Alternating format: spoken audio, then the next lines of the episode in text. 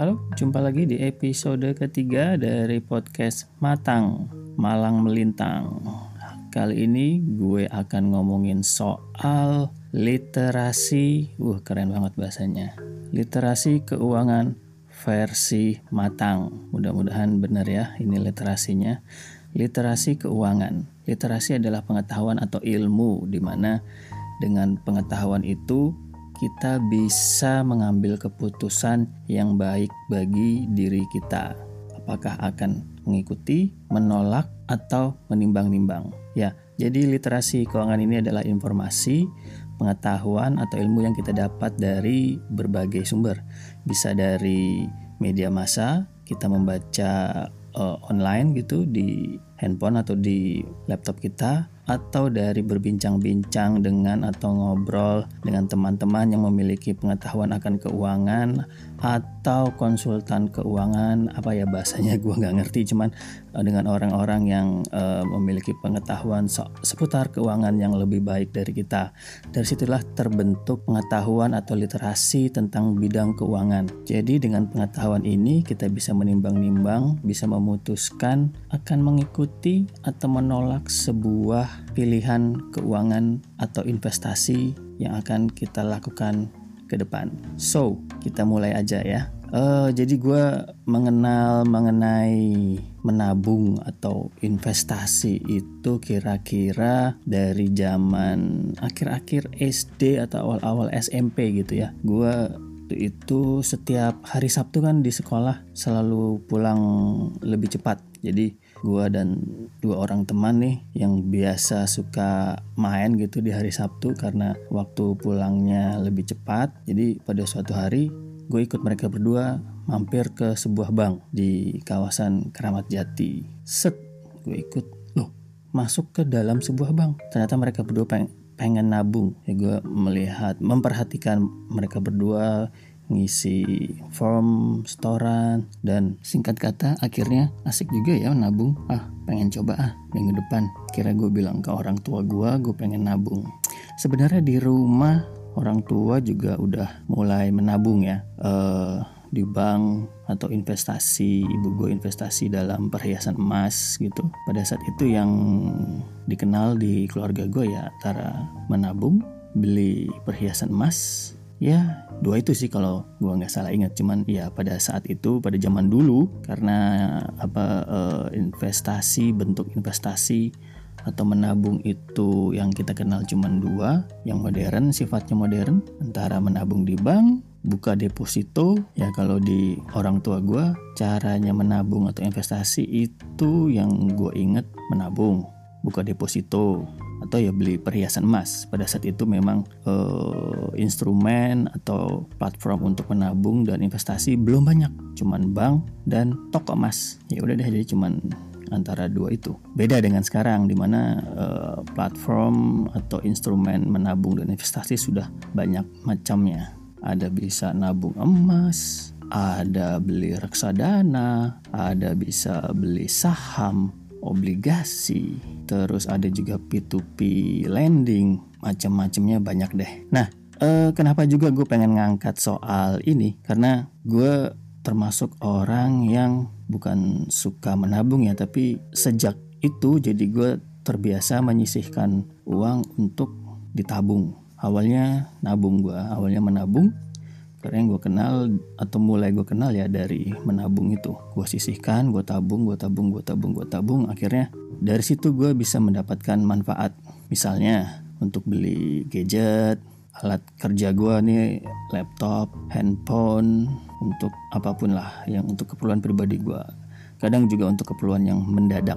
Dari menabung juga gue bisa ikut. Ini yang paling gue inget dari hasil jeripayah gue menabung menyisihkan uang jajan gue dari SMP SMA pada suatu ketika di akhir SMA kan itu masuk perguruan tinggi negeri adalah cita-cita setiap orang tua gue ya pengen juga masuk perguruan tinggi negeri. Karena saat itu biayanya relatif murah.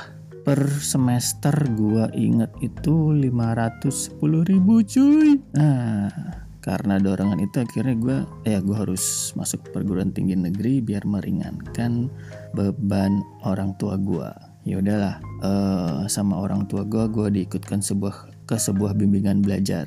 Set gue ikut gue ikut gue ikut. Terus dalam perjalanannya gue melihat uh, iklan selebaran. Wah ada bimbingan belajar yang lain juga nih yang bis yang kelihatannya dari iklannya gitu menjamin cukup meyakinkan bahwa kita gue bisa masuk ke perguruan tinggi yang gue incar.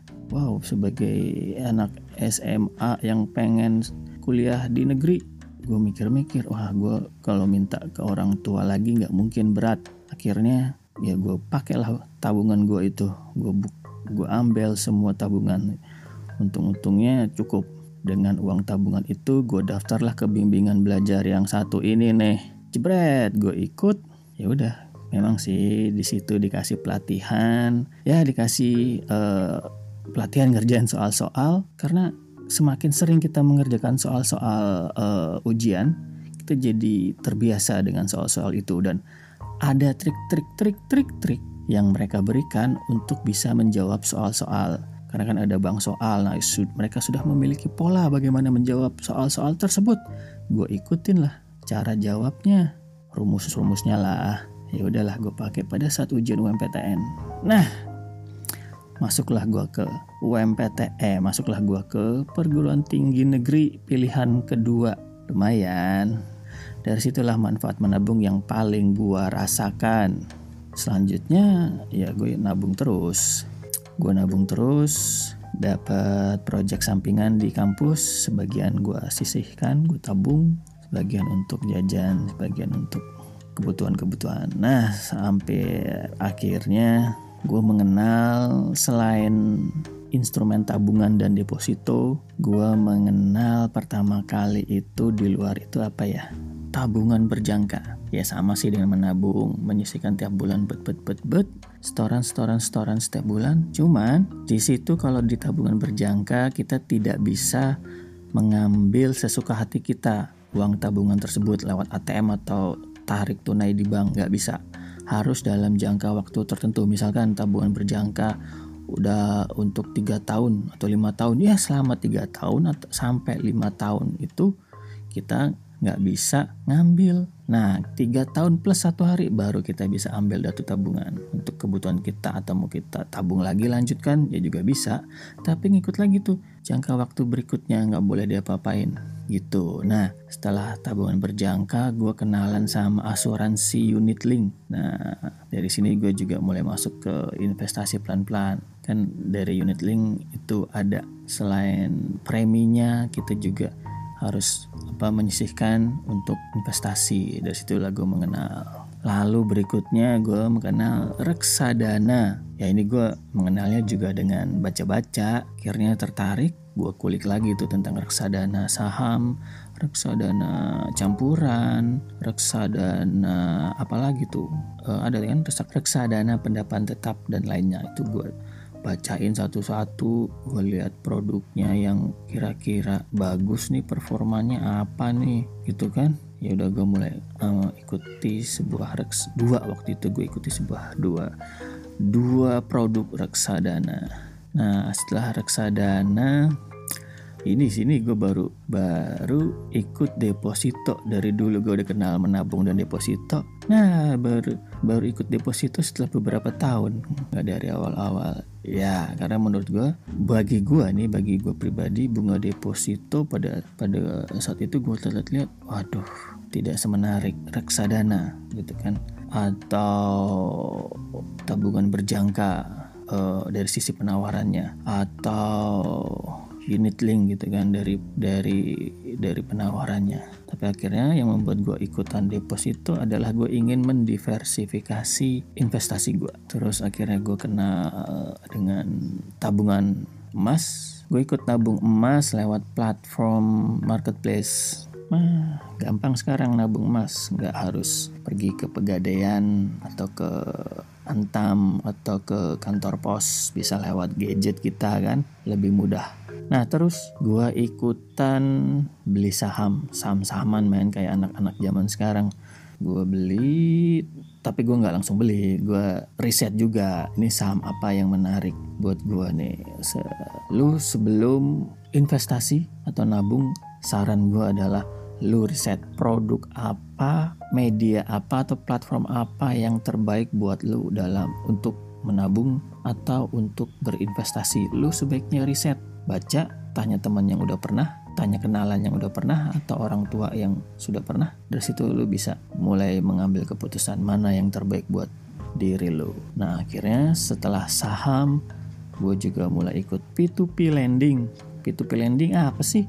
Jadi gini P2P lending itu adalah uh, bentuk investasi di mana kita naruh uang nih ya naruh uang di sebuah platform. Nah, nanti si platform ini mempertemukan dengan orang yang pengen memakai uang kita nih. Nah, jadi uang kita dipakai oleh itu orang, bisa untuk usaha, bisa untuk kebutuhan pribadi. Nah, nanti mereka dia akan kembalikan sesuai dengan aturan yang ada atau yang disepakati dengan si platform itu.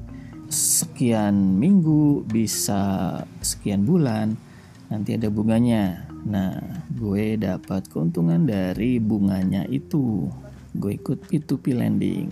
Setelah itu belum sih gue belum mulai ikut yang lainnya lagi. Cuman dari kegiatan, dari proses gue mengenal menabung, dari gue mempelajari investasi dan mengikutinya banyak manfaat nih yang bisa gue dapatkan. Pertama, uh, gue memiliki cukup uang untuk kebutuhan-kebutuhan mendadak untuk sakit, untuk kebutuhan yang tidak kita inginkan, tiba-tiba butuh uang, keluarga atau diri kita butuh uang, ada tabungan, nggak minjem ke orang-orang itu kan. Nggak ngerepotin orang. Terus gue pernah nganggur juga kayak gini nih pada saat kayak sekarang ini nih nganggur, gue bisa bisa tetap hidup walaupun hidup yang ya hidup sederhana aja. Nggak usah gak usah pergi ke cafe ke mall ya. Pandemi juga lo mau ke mana. Tapi dengan uang tabungan dengan investasi yang lo miliki ketika ke keadaan kepepet bisa lo gunakan ya enggak lo punya keinginan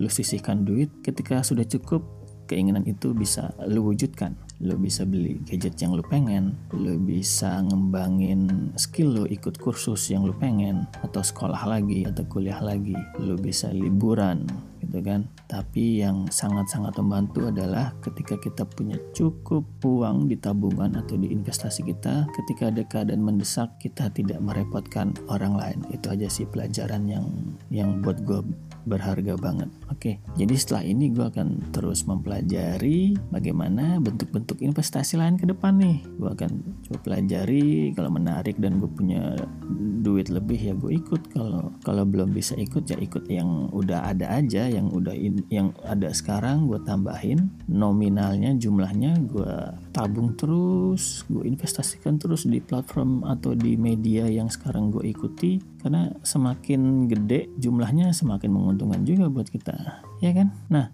sekarang buat lolo yang pengen nabung atau investasi mulai aja dulu terus mulai dengan baca riset tanya sana sini mulai dengan nominal yang lo miliki gak usah gede-gede sekarang bisa dengan 10 ribu di iklan-iklan bisa dengan 10 ribu ya kan? Cepret. Atau di platform-platform atau di nabung emas yang gue ikuti itu bisa ketika gue beli barang loh ini kok ada tawaran nabung emas dengan pirit perak doang? Ya udah mulai dengan segitu juga nggak apa-apa. Ada duit lebih tambahin lagi. Ada duit lebih lagi tambahin lagi. Ada rezeki nomplok. Diversifikasi cari bentuk investasi lain. Sama caranya baca riset tanya-tanya cocok dengan lu, cobain deh. Semoga berhasil untuk hidup lu, untuk hidup kita bersama. Sampai jumpa lagi di podcast Matang Malang Melintang berikutnya. Ciao.